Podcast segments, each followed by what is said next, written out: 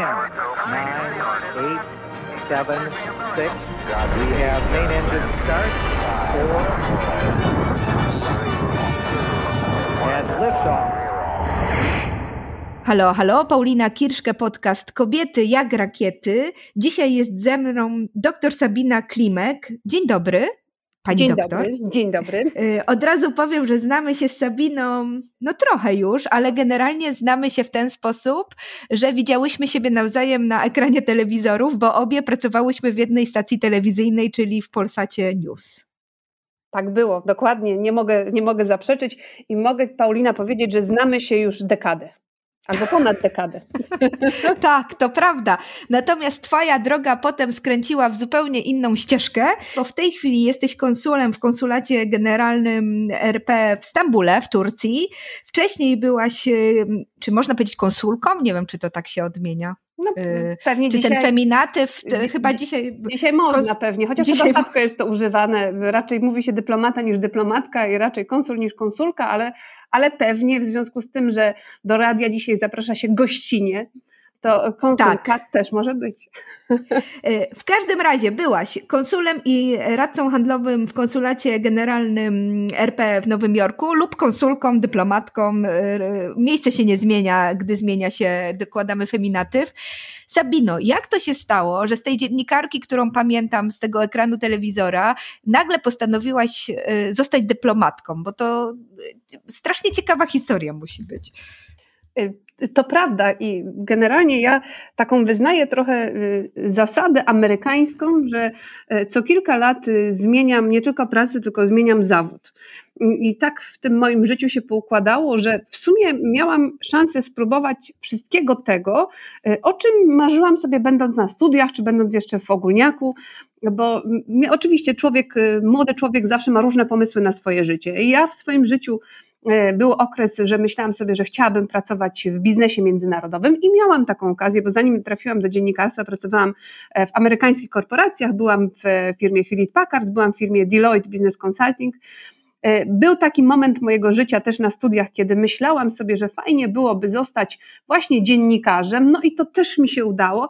I pamiętam, że pod koniec moich studiów tak sobie myślałam, że, że bardzo ciekawym zawodem jest dyplomacja. No i to też mi się udało, więc y, mam to szczęście, że miałam y, szansę w życiu spróbować wszystkiego tego, o czym myślałam sobie, będąc właśnie nastolatką czy będąc na studiach. A jak to się wydarzyło? Wbrew pozorom. Ale poczekaj, jeszcze tylko wrócę do tego, no bo to jest też ciekawa rzecz, o której mówisz, bo słuchają nas też młode dziewczyny, które nie do końca wierzą w siebie albo w swoje umiejętności i w to, że faktycznie mogą być tym, kim sobie marzą, a tobie to się udało. Jak myślałaś o tym, co, co za tym stoi, że tobie właśnie się udawało, że, że to, co sobie wymyśliłaś, to udawało ci się zrealizować? Mhm. Jakie, jakie cechy, czy co trzeba mieć? Myślę, że determinację pewnie, ale co jeszcze trzeba mieć, aby właśnie stać się trochę takim y, se- self-made manem, czy self-made woman, jak to mówią Mhm. Amerykanie. Wiesz, y, też zastanawiałam się nad tym, jak to się stało, i ja y, po prostu y, nie bałam się. Nie bałam się zmian. I to, co często charakteryzuje ludzi w Polsce i w Europie, to jest taki lęk przed nowym i lęk przed zmianą. I to jest takie trochę amerykańskie podejście, także chcąc nie chcąc, potem wylądowałam w Stanach Zjednoczonych, ale wcześniej również był okres, kiedy właśnie miałam praktyki w Ameryce i odnoszę wrażenie, że Amerykanie się nie boją. Nie boją się zmian, y, nie boją się zmian pracy, nie boją się zmiany zawodu. I e, kolejna rzecz, korzystałam z nadarzających się okazji. E, To było tak, że zawsze jak pojawiała się jakaś możliwość zrobienia czegoś albo wzięcia udziału w jakimś projekcie, czy wyjazdu gdzieś, czy zapisania się do jakiegoś koła naukowego i tak dalej, ja zawsze tym możliwościom mówiłam tak. I na dobrą sprawę, jak ja zmieniałam te wszystkie prace i odchodziłam z telewizji y, na rzecz y, y, dyplomacji, czy odchodziłam z telewizji jeszcze startując w wyborach do Sejmu, żeby było śmieszniej, to wiele osób pukało się w głowę na zasadzie, gdzie ty zostawiasz tutaj, etat masz przecież, y, y, y, dobra praca i tak dalej. A ja czułam wewnętrznie, że, że to nie jest to, że ja tej zmiany potrzebuję, no ja się tej zmiany nie bałam. oczywiście zawsze jest lęk przed nowym, w moim przypadku ekscytacja, natomiast muszę przyznać, że zmiany i zmiany pracy, zmiany zawodu, zmiany miejsca zamieszkania w moim przypadku działają na mnie bardzo mobilizująco i zachęcają mnie do działania i sprawiają, że mnie chce się e, robić, chce się robić więcej, chce się lepiej pracować. Więc e, tutaj ja zachęcałabym wszystkich, nie tylko panie, również panów, do żeby się nie bać, żeby korzystać e, z tych okazji, które nam się nadarzają. I to nie jest tak w życiu, że my tylko raz mamy swoje pięć minut, bo my tych okazji, które do nas przychodzą, mamy przez całe życie bardzo mnóstwo. Tylko jeden z tych okazji cały czas korzysta, a drugi e, czeka na wielkie wydarzenia, które mają spaść mu na głowę, a które nigdy nie przechodzą, a nie, nie widzi tych małych szans, możliwości, które gdzieś tam się e, w jego życiu e, pojawiają. No niektóre... A czy u kobiet tak nie jest? Jeszcze ci wejdę w słowo właśnie, bo ja mam wrażenie, że nas często stopuje ta myśl w głowie, nie no gdzie ja, nie dam rady, przecież ja nie umiem tego. Tu wiesz, to tak jak z tym CV-ką, która kobieta jak widzi ogłoszenie o pracę i, i spełnia wszystkie warunki, to wysyła CV-kę, a facet tylko jak 20%. Czy to nie jest tak, że kobiety często też stopuje właśnie ten wewnętrzny taki krytykant, krytykantka, która im mówi, no ty się nie nadajesz przecież, a ty tego głosu nie masz? E, właśnie ja tego głosu nie wiem, czy nie mam, ale staram się go nie dopuszczać. E, do, nie słuchasz. Nie słucham tego głosu i e, może też tak zostałam wychowana i tutaj chyba duża zasługa mojej mamy, która zawsze, i zresztą obojga moich rodziców, ale, ale szczególnie mamy, która zawsze powtarzała, że jak to, ty nie dasz rady? Oczywiście, że dasz radę, więc moja mama też wychowała mnie i moi rodzice wychowali mnie w takim poczuciu, wysokim poczuciu własnej wartości i ja nie bałam się, że sobie nie poradzę, wręcz przeciwnie. Uważałam, że skoro inni sobie poradzili, to ja to zrobię jeszcze lepiej. Więc y, no na pewno wiara w siebie, ale to znowu, to jest bardzo amerykańskie. Ta wiara w siebie to tak jak mamy, y, ja wielokrotnie byłam obserwatorem tego, gdzie dla przykładu mieliśmy e, CV e, profesora polskiego, fantastyczne i CV tutaj eksperta amerykańskiego, które wcale nie było tak imponujące, ale na rozmowie kwalifikacyjnej ten profesor nasz wypadał e, gorzej niż ten amerykański profesor, który po prostu potrafił fantastycznie siebie sprzedać. Więc ta umiejętność sprzedaży własnej osoby wiara we własne umiejętności jest, jest bardzo ważna w dzisiejszym świecie. Ja myślę, że trochę te, te młode pokolenia też już może inaczej są wychowywane, ale ja uważam, że, że skromność w dzisiejszym świecie jest mocno przereklamowana, bo kobiety szczególnie wydaje, im się wydaje, że, że jak stoją w kącie, to ich ktoś znajdzie. Nie, tak, tak to nie działa. Jak stoisz w kącie, to nikt cię nie znajdzie, wręcz zostaniesz gdzieś tam zdeptana i wszyscy o tobie zapomną, więc... Pokryjesz się kurzem po prostu. Niestety, więc dzisiejszy świat potrzebuje jednak tej autopromocji i jak e, prowadzę szkolenia, bo jestem również e, trenerem biznesu i, i zdarzało oczywiście teraz nie jako konsul, ale, ale um, przez wiele lat wielokrotnie prowadziłam różnego rodzaju zajęcia, e, zajęcia z rozwoju osobistego, również szkolenia dla kobiet. Um, Zawsze mówiłam kobietom, że dzisiejszy świat wymaga od nas tej, tej autopromocji, że my jesteśmy jak taka jednoosobowa firma, każdy z nas. Jesteśmy firmą, która ma e, w swoich zasobach dział marketingu i promocji, dział sprzedaży, dział zarządzania, kontrolingu tak tak dalej. I teraz my, jako ta jednoosobowa firma, musimy e, umieć się sprzedać, musimy umieć się zaprezentować, e, pokazać pracodawcy, pokazać swoje umiejętności. Skromność dzisiaj jest niemodna, bo wtedy, jeśli my, będąc, mając świetne kwalifikacje, bardzo skromnie będziemy je prezentować, to e, projekt, pracę czy, czy zadanie otrzyma ktoś, kto tych kwalifikacji wcale nie ma takich fantastycznych, ale odpowiednio powinien je sprzedać i umie je sprzedać. Więc ten dział sprzedaży w naszym wypadku e, powinien być bardzo dobrze rozwinięty, dział PR-u i sprzedaży. I tak, to, zgadzam się z tym, że tego nie umiemy, bo, bo to na to zwracają uwagę także y, inne kobiety, które miały możliwość na przykład chodzenia do szkół w Stanach Zjednoczonych, gdzie teatrzyk szkolny świetnie funkcjonuje i uczy dzieciaki już od najmłodszych lat tego, jak się prezentować, jak mówić, jak wyglądać, jak działać właśnie jako ta jednoosobowa y, działalność gospodarcza U nas to po prostu kuleje, bo widzę, jak wyglądają dziewczyny podczas wystąpień publicznych na warsztatach, które my robimy. No tego nikt po prostu w szkołach nie uczy. Właśnie, właśnie. I to, a to jest, myślę, że dzisiaj to jest podstawa, bo przecież zobacz, w każdej firmie do której pójdziesz, czy w pracy, którą będziesz wykonywać, zawsze będziesz musiał coś komuś zaprezentować przed grupą, która ma 5, 10, 15, 20 osób, a może i 100 osób. Może tak, przekonać do projektu, prawda? Tak. Ilu, ilu ja widziałam menadżerów wielkich firm, którzy stawali na podium, y, jest dwa tysiące osób na sali i on po prostu nie wie, co ze sobą zrobić tam na tym, na tym podium i na tej scenie. Także niestety to jest nauka, y, którą powinniśmy, ja zgadzam się z tym absolutnie, tego powinno się uczyć już dzieci, już w szkole, już, już w podstawówce i potem w szkole średniej i na studiach, bo E, myślę, że każdy z nas musi umieć e, się zaprezentować i występować publicznie. Dzisiaj to jest taka umiejętność, która naprawdę ułatwi nam bardzo, bardzo życie. I wracając do mnie, to, to ja właśnie chyba po prostu się nie bałam tych zmian. Oczywiście, że one u mnie powodowały jakąś ekscytację, ale E, bardziej chciałam zmiany niż odczuwałam lęk przed tym, co się może wydarzyć. W związku z tym ja zawsze i nagminnie korzystałam z okazji, które w moim życiu się e, pojawiały. No i taką okazją na przykład była możliwość e, startu w wyborach do Sejmu. No prawie się udało, wtedy zabrakło mi trochę głosów, ale, ale prawie zostałam posłem. Potem już y, nie wróciłam do tego, ale nigdy nie mów nigdy, nie wiadomo, e, czy jeszcze kiedyś y, gdzieś nie wystartuję. Natomiast y, e, w życiu też trzeba umieć po prostu odnosić porażki. I ja myślę, że to jest kolejna rzecz, taka znowu amerykańska lekcja, gdzie u nas w Polsce, ale również w Europie nie ma takiego przyzwolenia do e, porażek. Nie ma przyzwolenia do tego, by błądzić, by robić błędy. Mhm. A w Stanach jednak to przyzwolenie jest. I nawet jak spotykamy przedsiębiorców, to oni wtedy mówią nam, no tak, zanim rozwinąłem tą swoją firmę, no to tu raz mi to nie wyszło, raz zbankrutowałem, raz coś tam się nie udało, no ale teraz jest, działa, funkcjonuje, jest fantastycznie.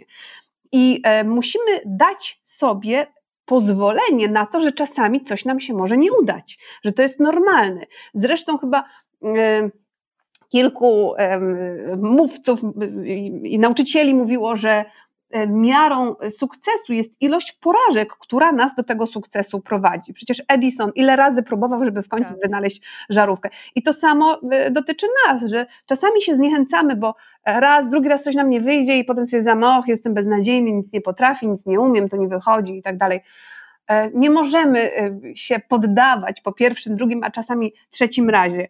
E, tutaj doskonałym przykładem jest e, na przykład Abraham Lincoln. Nie wiem, czy e, tak słuchacze nasi znają jego historię, natomiast to jest człowiek, który naprawdę jego, zanim został prezydentem, to jego życie było pasmem wielkich porażek. Żony mu zmarły, bankrutował, ileś tam razy próbował zostać senatorem i, i też się nie udawało. No a w końcu został prezydentem. Fakt faktem, że go na końcu zastrzelono, no ale prezydentem został. Nie umiemy też z porażek wyciągać yy, wniosków, prawda? Bo to jest wielka sztuka, żeby owszem upaść, ale podnieść się już z czymś w ręku, prawda? Z jakąś mhm. myślą, świadomością tego, co zrobiłem źle, co muszę naprawić i iść dalej yy, do przodu, bo ta konsekwencja to też jest, mam wrażenie, cecha, której nam brakuje. To prawda, że trzeba konsekwentnie yy, iść do przodu i no, nie poddawać się, bo tak jak mówię, czasami są jakieś projekty, pomysły, gdzie jednak człowiek porzuca je, e, ale jeśli czegoś bardzo chcemy, no to wtedy realizujemy to. Ja zawsze zadaję pytanie również moim e, studentom czy moim słuchaczom i mówię: napiszcie na kartce trzy rzeczy, na które nie macie czasu. No i ludzie wypisują tam o nauka języków, doktoraty, różne, przeróżne rzeczy. Mm, bardzo często również menadżerowie wpisują, nie mam czasu dla rodziny. No ja im potem mówię, słuchajcie, jeśli wypisaliście te trzy rzeczy, albo dwie rzeczy, jedną rzecz, to znaczy, że na te rzeczy nie są dla was ważne w waszym życiu. I wtedy następuje oburzenie. No jak to, jak nieważne? Ja mówię, oczywiście, że nieważne. Bo jeśli coś jest dla was priorytetem, to wy zrobicie wszystko, żeby ten cel zrealizować. Jeśli boli cię ząb, to po prostu chociażby nie wiem, co się działo, wszystko inne odłożysz i pobiegniesz do dentysty. Więc jeśli coś jest dla ciebie priorytetowe, to odłożysz wszystko inne i zajmiesz się tym, co jest dla ciebie priorytetem. Więc te rzeczy, które wypisujemy, na które nie ma czasu, po prostu nie są rzeczami, które na ten czas naszego życia są tymi, tymi ważnymi. Lepiej e, sobie odpuścić, Lepiej chociaż z rodziną odpuścić. to może kiepsko. Albo się zastanowić właśnie, co jest dla nas priorytetem, dlaczego chcielibyśmy. To są takie pobożne życzenia, że czasami chcemy, albo wydaje mi się, nam się, że tak powinno być. Natomiast realizujemy zupełnie inne rzeczy i inne rzeczy są, są dla nas e, ważne. Dobra, Sabino, ale cały czas nie wiem, jak to się stało, że ty kończąc karierę dziennikarską, nagle zostajesz konsulem w Nowym Jorku. Powiedz mi, jak to jest możliwe? To zupełnie nie tak nagle, bo to najpierw skończyłam karierę dziennikarską, później startowałam w wyborach do Sejmu, y, więc potem w międzyczasie, bo ja jednocześnie jak byłam dziennikarzem, to robiłam różne inne rzeczy. Prowadziłam szkolenia właśnie dla biznesu jako certyfikowany trener. E, pracowałam również dla firmy z Arabii Saudyjskiej, gdzie zajmowałam się e, negocjacją e, kontraktów handlowych handlowych międzynarodowych. Także ja zawsze tą pracę swoją dziennikarską, ponieważ mieliśmy takie możliwości, starałam się jednak łączyć z tym moim e, kontaktem z biznesem, ponieważ ja skończyłam studia e, biznesowe, skończyłam Akademię Ekonomiczną, teraz Uniwersytet Ekonomiczny w Katowicach, e, potem skończyłam Politechnikę w Finlandii i potem skończyłam Uniwersytet St. Andrews w Szkocji. I miałam takie tak, poczucie... I, po, I podobno piszesz kartki świąteczne do Kate Middleton. ale studiowałam z Kate Middleton i z księciem Williamem. Jeszcze im kartki nie, nie, wysłałam, ale może, może kiedyś powinnam rzeczywiście.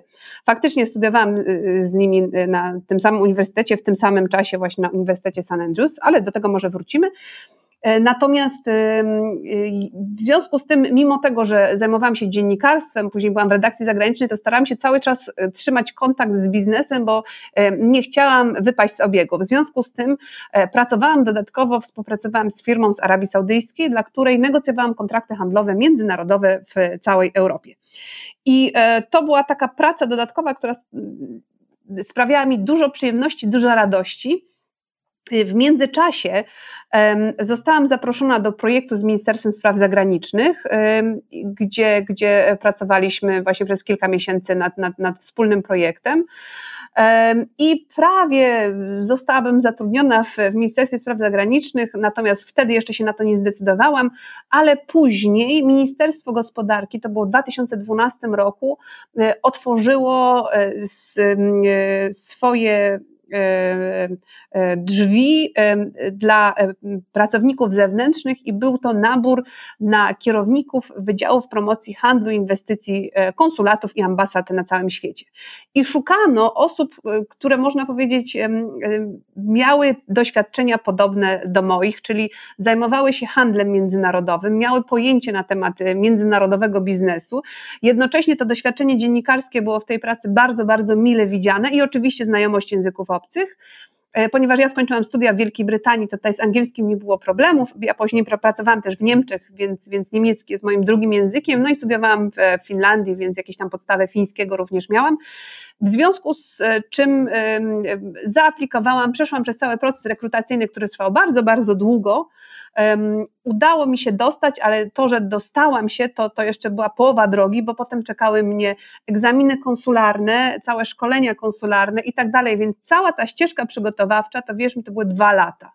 Także to nie jest, że nagle po prostu z dziennikarstwa zostałam dyplomatą, tylko to były dwa lata ciężkiej pracy, e, ciężkich egzaminów. No i w końcu udało się i w 2014 roku wyjechałam na placówkę, na którą chciałam wyjechać, ale to tak nie do końca było pewne, czy akurat w dyplomacji to nie jest zawsze tak, że dostaje się to miejsce, które się chce. W tym wypadku rzeczywiście y, chciałam Nowy Jork, udało się z Nowym Jorkiem, ale tak do końca nie było wiadomo, czy to będzie Nowy Jork, czy może jakiś kraj w Europie.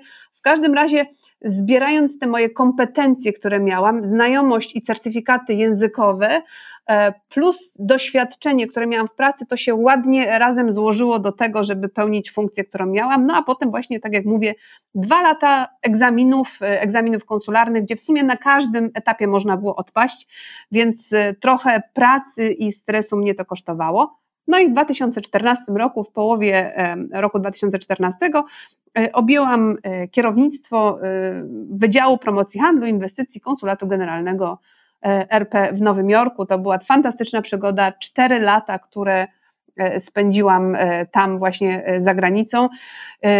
W Stanach Zjednoczonych bardzo takie ubogacające mnie i, i, i, takie fantastyczne doświadczenie, z którego y, mogę powiedzieć, że cały czas czerpię, zresztą cały czas tutaj wrzucam te przykłady ze Stanów Zjednoczonych, bo myślę, że to jest ciekawy kraj i ciekawi ludzie, od których wiele można się nauczyć.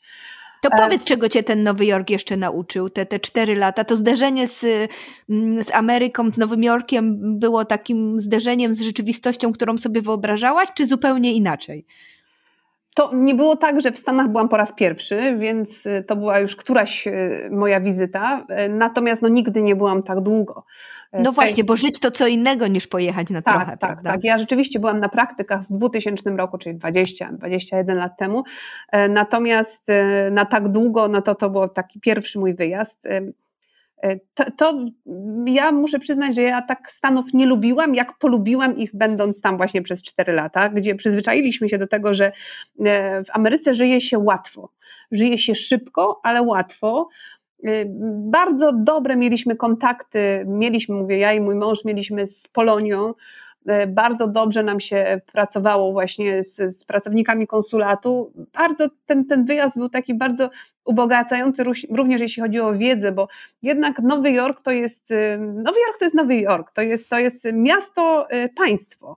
To jest miasto, które żyje na swoich zasadach, które jest można powiedzieć, taką stolicą świata, gdzie spotykają się wszystkie kultury, języki, narody gdzie na Manhattanie w ciągu dnia, przynajmniej za moich czasów, było 4 miliony osób, gdzie rozmawiało się, kiedyś słyszałam, że podobno 800 y, języków jest używane na Manhattanie, nie wiem czy to prawda, ale to jest bardzo możliwe, Wiecie, wszystkie dialekty i tak dalej, gdzie można znaleźć restauracje z każdej kuchni świata, gdzie Cały świat w jednym miejscu. To jest, tak, to, to, to jest ta, taki tygiel po prostu y, różnorodności, kultur, kolorów skóry, ras, wszystkiego i wszystko jest w jednym miejscu i to wszystko działa, to wszystko funkcjonuje. Także jeśli chcesz mieć y, najlepszą operę na świecie, no to masz ją w Nowym Jorku. Jeśli e, chcesz mieć e, muzea niesamowite, one są w Nowym Jorku. Występy gwiazd są w Nowym Jorku. Wszystko jest w Nowym Jorku. Więc ten Nowy Jork daje niesamowite możliwości, a jednocześnie cały czas masz poczucie mm, e, takiego to jest e, tak zwane FOMO, dzisiaj się to nazywa, tak? Mm. Um, fear of missing opportunity, z tego co pamiętam, że cały czas masz strach przed czym, przed czymś, że, że z czymś nie zdążysz. Tak, Cały coś ci umknie. Tak, że ci umknie. Czy jesteś tutaj teraz na, na, na Broadway show, ale jeszcze nie widziałeś innego Broadway show. To Broadway show się kończy za chwilę, a ty jeszcze tego nie zdążyłeś zobaczyć. A tu jest jeszcze coś innego. I jeszcze nie byłeś w teatrze. I cały czas za czymś gonisz, i nigdy nie jesteś w stanie tego wszystkiego dogonić, bo, bo nie jest tak, że jesteś w stanie skorzystać ze wszystkich możliwości, które daje Nowy Jork. Ja tam byłam przez 4 lata i jeszcze wszystkiego nie widziałam i jeszcze wszystkiego nie doświadczyłam. Także jeszcze nie byłam we wszystkich muzeach ani na wszystkich y, y, wystawach, które mogłabym zobaczyć, więc cały czas masz poczucie, że czegoś jeszcze nie zdążyłeś tam zrobić. I to jest okropne, bo chciałbyś, ale się nie da, bo twoja doba ma tylko 24 godziny. nie, jest... nie, doba, już ustaliłyśmy Sabina, że twoja jest zdecydowanie dłuższa niż zwykłego przeciętnego. Ja, ja, ja, ja bym chciała, ja naprawdę mam, bardzo często mam poczucie, że gonię własny ogon i, i, i próbuję zdążyć i próbuję, ale ja też jestem typem, który y, potrzebuje 8 godzin snu dziennie, więc jak, jak nie mam czasami, to, to, to nie jestem w stanie funkcjonować. Także to nie jest tak, że, się, że nie śpię, śpię. Sabina, ale po Nowym Jorku wróciłaś do, do Polski mhm. Y, i napisałaś doktorat. Tak, tak, i napisałam doktorat, bo to było coś, co mi zalegało. Bo ja, y, a propos właśnie niekończenia tych rzeczy, to, to miałam wielkim moim wyrzutem sumienia był nieskończony doktorat. Bo ja skończyłam w 2010 roku studia doktorskie w Szkole Głównej Handlowej w Warszawie. Y, otworzyłam przewód no i już sobie tam pisałam ten doktorat i, i, otworzy, i, i już zrobiłam część badań i tak dalej. No i właśnie trafił się wyjazd, trafił się wyjazd do Stanów. Wydawało mi się, że w tych Stanach po prostu uda mi się skończyć pisać doktorat. Nie napisałam nawet jednego zdania. Także nie byłam w stanie. Jeszcze przy okazji urodziło nam się tam dziecko y, w Stanach też, y, więc no to, to już, to już na, nawet ja z moją chęcią i powerem do pracy naprawdę nie byłam w stanie y, tego zrobić.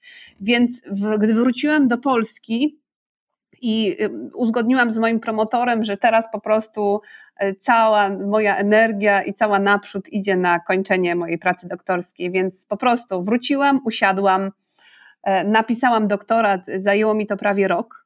E, I to mogę powiedzieć z ręką na sercu, że była to dla mnie taka praca, no mniej niż rok, ale to była praca full time, czyli nie podjęłam żadnej innej pracy, po prostu e, zajmowałam się dodatkowo projektami różnego rodzaju. Współpracowałam cały czas z Ministerstwem Spraw Zagranicznych, robiąc dla nich konferencje, ale, ale nie była to praca pełnoetatowa, tylko pełnoetatowo po prostu pisałam pracę doktorską.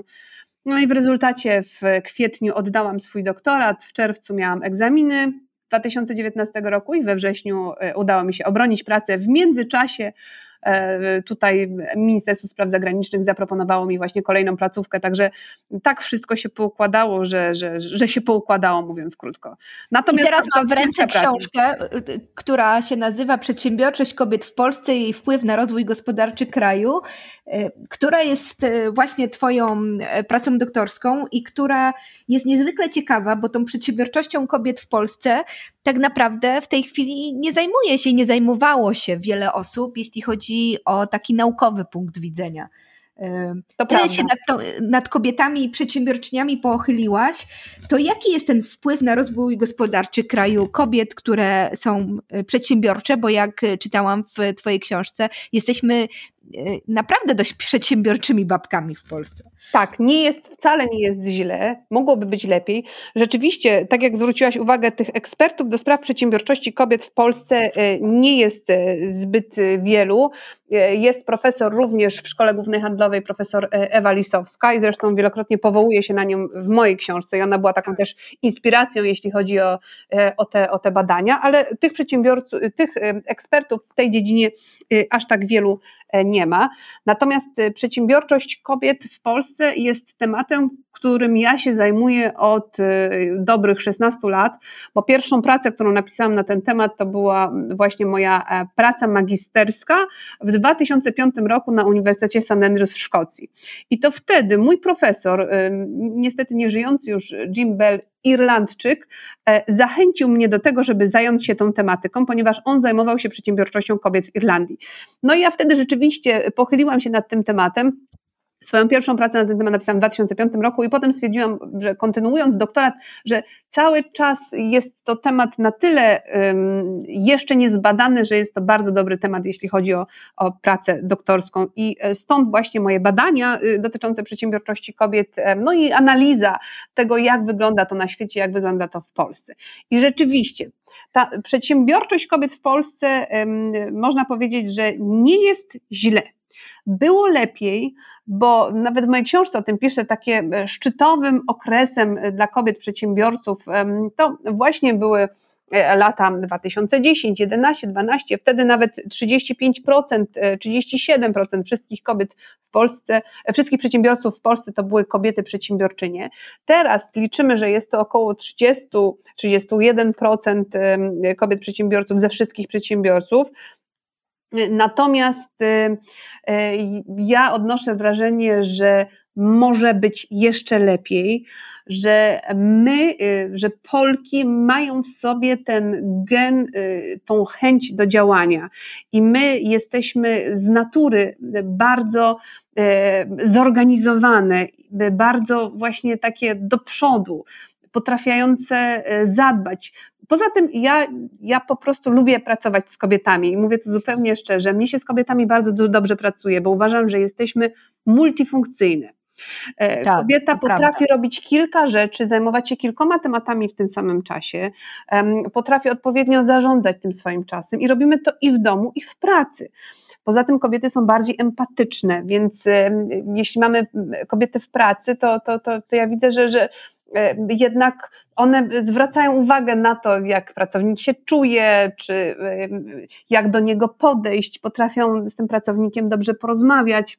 I y, ja uważam, że kobiety menadżerki, kobiety liderki naprawdę fantastycznie się sprawdzają. Mało tego, powiem może coś, co dzisiaj nie wiem, czy jest, czy nie jest popularne, ale uważam, że dzisiejszy świat potrzebuje kobiet liderów, bo w dzisiejszym świecie my już nie walczymy o ziemię, o zasoby, już nie toczymy wojen, a przynajmniej w Europie już nie toczymy wojen. W związku z tym dzisiaj potrzebne są, są, potrzebni są tacy liderzy, którzy dbają o dobrostan społeczeństwa. I o taki dobrostan społeczeństwa, kto lepiej może zadbać niż kobieta lider.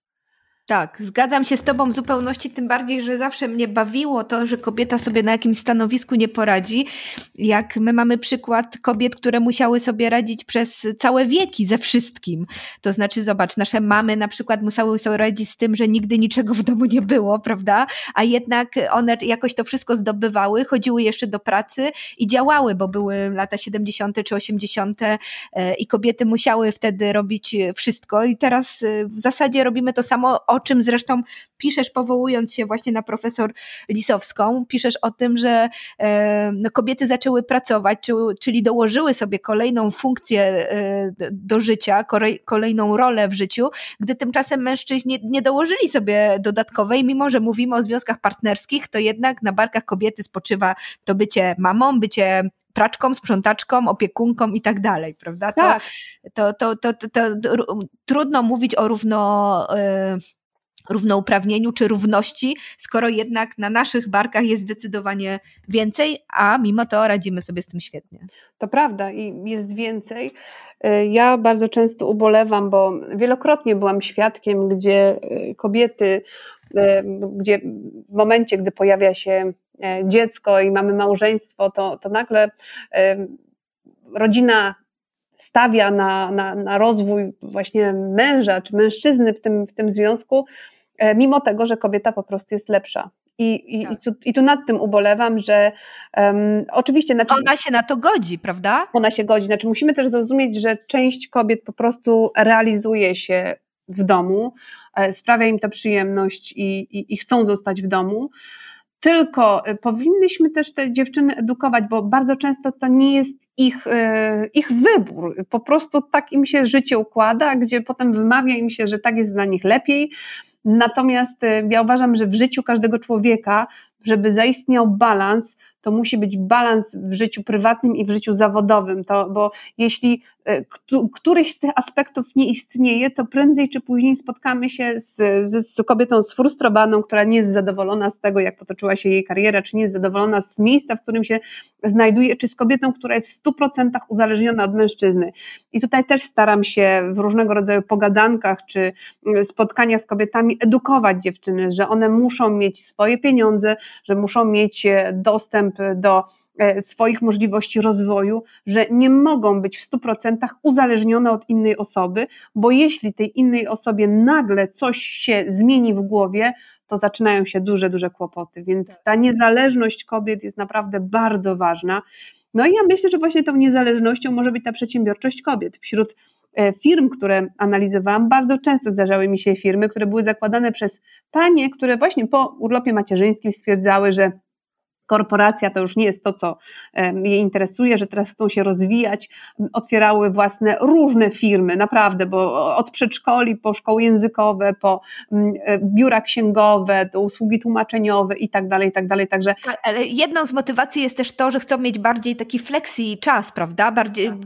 więc samemu sobie układać, kiedy pracuje, a kiedy nie pracuje, żeby móc podzielić to na faktycznie rodzinę i, i, i firmę tak, jest to jedna z motywacji, natomiast e, e, nie jest to motywacja nadrzędna, ponieważ jak sobie zobaczymy te moje badania, to jeśli chodzi o motywację, i to nie tylko w moich badaniach się pokazało, tylko w ogóle we wszystkich badaniach, które dotyczyły e, kobiet na świecie, że ta przede wszystkim motywacja przy zakładaniu własnej firmy jest ta y, y, niezależność. Tak. Czyli to, że sama mogę decydować o tym, co robię, czym się zajmuję,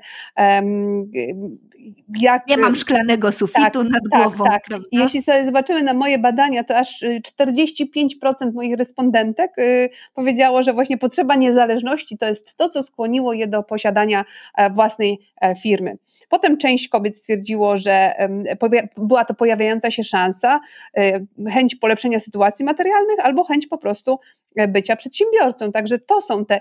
Bezrobocie było bardzo, bardzo daleko w tych odpowiedziach, bo jedynie 5% kobiet stwierdziło, że to właśnie bezrobocie zmotywowało je do tego, żeby właśnie założyć firmę. Czyli ta przede wszystkim niezależność. Chcemy być niezależne, chcemy same decydować o sobie e, i o swoim życiu. I to jest, to jest bardzo fajne. Jeśli mówimy też o tym, jaki ten wpływ jest, no to ja wyliczyłam, i to są pierwsze wyliczenia tego typu e, w Polsce, że 13,5% naszego PKB e, jest tworzone właśnie przez kobiety przedsiębiorców. Więc tak. e, mało, nie mało, oczywiście zawsze może być więcej, ale jakby nie było, jest to 13%, więc jest to duży, myślę, że część naszego produktu krajowego brutto. No i bardzo się cieszę, że właśnie te kobiety mają tutaj swój udział. No i mam nadzieję, że ilość kobiet przedsiębiorców jednak będzie nam e, cały czas rosła. E, niestety my zauważyliśmy, w naszych badaniach, ja zauważyłam w swoich badaniach, że e, tych kobiet przedsiębiorców troszkę nam ubywa, ale to są przede wszystkim e, te dziewczyny, które były samozatrudnione. Podejrzewamy tutaj wpływ również e, właśnie różnego rodzaju benefitów. benefitów, ale tak na dobrą sprawę ja mocno wierzę w to, że coraz więcej osób z młodego pokolenia szuka balansu szuka rozwiązań dla siebie. I jednak zwróćmy uwagę, że, że milenialsi, czy to pokolenie Z to jest pokolenie, które już zupełnie inaczej podchodzi do pracy, tak. gdzie, gdzie chcą mieć ten czas dla siebie, dla swoich pasji. To już nie jest to pokolenie lat 70., 80., które po prostu pracy oddawało całe swoje życie. I właśnie widzę nadzieję, mam nadzieję, że, że te dziewczyny również będą chciały coraz częściej otwierać własne przedsiębiorstwa i po prostu same decydować e, o sobie. Jednocześnie tak, uważam, a ty że... zauważyłaś, przepraszam, że ci wejdę w słowo, bo to jest bardzo ciekawe, co, co ja wyczytałam, że jednak kobiety częściej niż mężczyźni zakładają własne firmy z powodów braku sensownej alternatywy. To znaczy, że właśnie albo nie mogą się dalej rozwijać, albo nie widzą sensu w tym, co robią, albo nie mają dokąd pójść do pracy, więc ta własna firma jest taką jedyną alternatywą, którą dla siebie widzą. Tak, to prawda. To znaczy, że nie widzą, nie chcą już być może być w korporacjach, y, nie interesuje ich wyścig szczurów, chcą prawdopodobnie tworzyć własną wartość i, i, i, robić to dla siebie. Ale ja też y, widzę, że często te pomysły, które mają dziewczyny, to są takie pomysły, na które prawdopodobnie żaden pan by nie wpadł, mówiąc krótko. Kiedyś właśnie robiłam wywiad z kobietą, która otworzyła pralnię chemiczną, ale to była pralnia, która, e, pierwsza tego typu pralnia właśnie w Warszawie, która świadczyła usługi, e, że przyjeżdżają do klienta, zabierają wszystkie rzeczy, odwożą je potem z powrotem. E, także taka to nowoczesna pralnia z dostawą do domu i ona fantastycznie się sprawdzała wśród wszystkich biznesmenów, ludzi zapracowanych, którzy po prostu potrzebują koszule, a nie mieli czasu e, się nimi zajmować. I, fantastycznie się ta firma rozwinęła. Oprócz tego mm, e, kobiety również otworzyły e, znane, znaną sieć Salad Story, fantastycznie rozwijająca się sieć właśnie z takimi sałatkami na szybko. Także ja widzę, że te, zresztą kobiety prowadzą różnego rodzaju firmy. Ja wśród moich respondentek miałam również y, panie, które odziedziczyły mm, warsztaty samochodowe i świetnie sobie dawały radę, salony samochodowe, także firmy budowlane, więc to nie jest tak, że te kobiety są tylko w jednych obszarach, a w innych ich, ich nie ma. E, jesteśmy wszędzie. Natomiast e, są obszary, w których jest tych kobiet więcej, to są przede wszystkim e, usługi tak jak mówiłam, szkoły językowe, biura rachunkowe. Handel też, prawda? Handel, tak, sklepy różnego rodzaju, oczywiście salony kosmetyczne, salony masażu i tak dalej, i tak dalej. Także tam przede wszystkim znajdziemy również kobiety, które prowadzą swoje firmy. Sabino, to powiedz teraz jeszcze mi, jak to jest z wami, z tobą i twoim mężem, że wy tak jeździcie po tym świecie, bo ty jesteś kobietą, która y, spełnia swoje marzenia. Pamiętam, jak rozmawiałam z Anną Streżyńską, byłą ministrą y, cyfryzacji, chociaż ona bardzo nie lubi tego feminatywu, więc y, powiem byłą panią minister. I ona mówiła, że po latach pomyślała, że kurczę, mało szans na rozwój miał jej mąż. Jak to wygląda u Was z, z tym właśnie e, podziałem ról i partnerstwem w związku? No to nie wiem, czy nie podobnie. Trudny temat. Nie wiem, czy nie podobnie, natomiast rzeczywiście, żeby prowadzić e, takie życie, to ktoś musi się poświęcić, bo to był, jak jechaliśmy do Stanów, to właśnie mój mąż e, zrezygnował ze swojej pracy w Polsce. I natomiast miał szczęście, bo udało mu się bardzo dobrą pracę znaleźć w Stanach i, pracował zresztą na Wall Street, zajmował się funduszami hedgingowymi, też jest ekonomistą tak jak ja, zajmuje się finansami.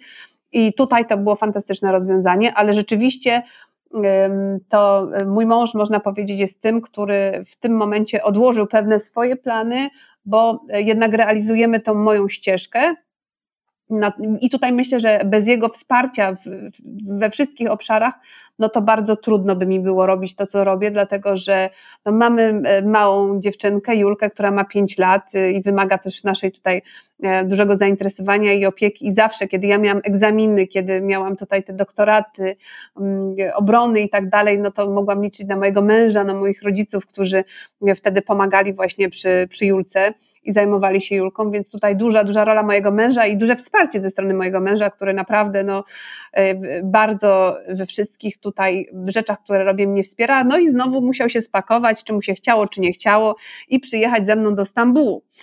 E, na początku tak miał pewne obawy, teraz już się zaaklimatyzował i bardzo mu się podoba.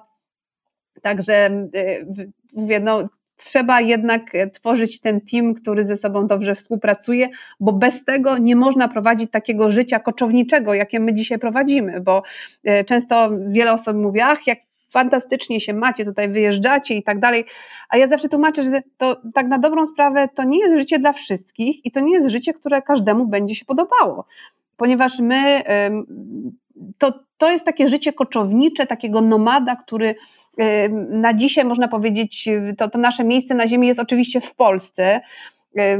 Jest to, ja w moim domu rodzinnym, mogę powiedzieć, jest, jest właśnie to moje miejsce na ziemi. Natomiast no, my co jakiś czas musimy cały swój dobytek spakować, e, przewieźć do innego kraju, rozpakować się. Zawsze jesteśmy nie u siebie, bo zawsze są to mieszkania wynajmowane czyli musimy się przyzwyczaić do nowego otoczenia. Do tego wszystkiego doszło nam teraz dziecko, które no z nami po prostu podróżuje, przeprowadza się, idzie do przedszkola, które, którego nie zna. Więc to Mówi, Ludzie mówią w innym dziwnym języku. Tak, tak, tak. Nasza Julka całe szczęście i to właśnie tutaj duża zasługa mojego męża, bo, bo mówi świetnie w języku angielskim, urodziła się w Stanach, e, natomiast e, zadbaliśmy o to, a przede wszystkim Wojtek zadbał o to, że e, ten angielski cały czas był w użytku i ona dzisiaj mówi po polsku i po angielsku biegle, no a teraz uczy się tutaj w przedszkolu tureckim tureckiego. Także e, dla dziecka no też na pewno to było zupełnie coś nowego, ale ponieważ już mówiła po angielsku, więc to nie był taki wielki szok e, przejść do przedszkola, bo jest w stanie się właśnie skomunikować z nauczycielami, bo przedszkole ma międzynarodowe. No więc, e, tak jak mówię, to jest całe, to, to, to jest również życie, które wymaga wyrzeczeń. Ma swoje plusy i swoje minusy. Jak, jak wszędzie, jak wszędzie. Tak. Natomiast na pewno rekompensuje to wszystko to, że poznajemy ludzi, kultury nowe, zwiedzamy świat y, i, i, i to jest takie bardzo budujące, rozwijające. Możemy, y, myślę, że to bardzo również rozwija osobowość i no mam nadzieję, że dla naszego dziecka to, to będzie również rozwijające, bo pewnie w przyszłości będzie mówiła kilkoma językami całkiem y, biegle i całkiem dobrze. Tak, Także... i będzie mega tolerancyjną, myślę, otwartą dziewczyną, prawda? Widząc, że świat jest tak zróżnicowany, kolorowy i pełen różnych ludzi. Oczywiście. No i najlepszy obecnie przyjaciel w przedszkolu to Muhammad. Także moje dziecko jest y, bardzo otwarte na inne kultury y, i, i, i myślę, że, że, że, że tak jej zostanie. No ale tak jak mówię, to nasze podróżowanie dotyka na pewno całą rodzinę, dotyka również e, rodziców naszych, dziadków, którzy bardzo chcieliby z Julką spędzać więcej czasu, teraz nawet nie mogą przyjechać przez pandemię. E, wszystko ma swoje plusy i minusy, ale póki co Y, widzimy więcej plusów niż minusów. I tak jak mówię, mnie zmiany i to, że e, co chwilę robię coś innego i znajduję się w innym miejscu, w innym otoczeniu, e, bardzo nakręcają e, i motywują do działania. Jest to dla mnie takie życie bardzo mnie motywujące. Chyba nie mogłabym już inaczej. To powiedz jeszcze w takim razie, czym zajmuje się konsul Sabina Klimek albo konsulka w Turcji tak na co dzień? tym samym, czym zajmowałam się w Stanach, mianowicie ja jestem zawsze konsulem do spraw gospodarczych, do spraw ekonomicznych. I ta nasza działka jest y, stricte powiązana z polskimi przedsiębiorcami i ze sprawami gospodarczymi. E, czyli ja pracuję z polskimi firmami, które chcą wejść na rynek turecki w tym wypadku. E, jestem kontaktem również dla tureckich inwestorów, którzy chcą wejść do Polski. Także staramy się tworzyć ten e, bridge, ten most między krajami, most gospodarczy. Czyli w moim tutaj interesie, w interesie naszego kraju, naszej placówki jest właśnie pomoc tym polskim firmom, które chciałyby działać tutaj na tureckim rynku, chciałyby sprzedawać, chciałyby właśnie eksportować do Turcji. I jednocześnie właśnie praca z tymi inwestorami, którzy chcieliby być może w Polsce otworzyć nową fabrykę, tworzyć nowe miejsca pracy, robić coś ciekawego w naszym kraju. Także to jest ta pomoc. Oprócz tego oczywiście różne analizy ekonomiczne, dotyczące współpracy między krajami, odpowiedź na wiele e, zapytań. Staramy się tworzyć, uczyć e, firmy polskie, jak tutaj wchodzi na ten rynek. Robimy webinaria, także robimy wszystko, czy ja robię wszystko, żeby pomóc e, tutaj temu naszemu rodzimemu biznesowi rozwinąć się teraz w Turcji, a wcześniej to samo robiłam właśnie na rynek amerykański, gdzie, gdzie dokładnie tak samo tworzyłam to porozumienie biznes to biznes między polskim e, a amerykańskim biznesem, zresztą z dużym sukcesem, bo e, przez te cztery lata, jak zaczynałam, jak kończyłam, to e, handel zagraniczny Polska Stany wzrósł o, o, kilka miliardów dolarów. Jak zaczynałam, to było 8, jak kończyłam, było 14. Mieliśmy dużo więcej inwestycji, także no staraliśmy się promować właśnie ten polski biznes w Stanach, no i teraz polski biznes tutaj w Turcji. Perspektywy i możliwości są ogromne, także jeśli słuchają nas biznesmeni, biznesmenki, to ja szczególnie tutaj zachęcam, polecam, żeby zainteresować się właśnie Turcją jako krajem, z którym można współpracować. Jest to ogromny kraj, 82 miliony e, mieszkańców, e, ogromna powierzchnia i, i ten nasz handel tutaj między krajami jest wciąż na, e, można powiedzieć, na poziomie, z którego można jeszcze wiele rzeczy zrobić. Uważam, że ten poziom jest wciąż za mały. Na dzisiaj to jest 6 miliardów euro. Uważam, że może być dużo, dużo więcej. W związku z tym naprawdę warto zainteresować się Turcją jako rynkiem, z którym możemy coś zrobić. To nie tylko miejsce turystyczne, chociaż wspaniałe miejsce turystyczne z wspaniałą kuchnią.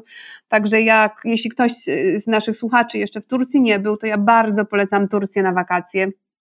Ja jestem zakochana w tureckiej kuchni, przyprawach, uwielbiam baklawę. Wcześniej mi tak nie smakowała, jak dopiero teraz, bo teraz po prostu wiem, gdzie kupić taką, taką naprawdę dobrą turecką e, baklawę.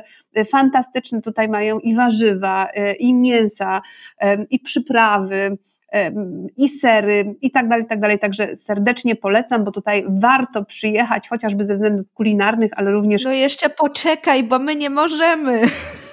A już możecie, już możecie. Już możemy? tak, trzeba mieć test na COVID ze sobą, albo chyba być zaszczepionym, także już można, a już na pewno Czyli będzie można furtka. na wakacje przyjechać. Tak, furtka jest i myślę, że warto, także, także promuję tutaj e, Turcję bo jest naprawdę bardzo ciekawym kulturowo krajem.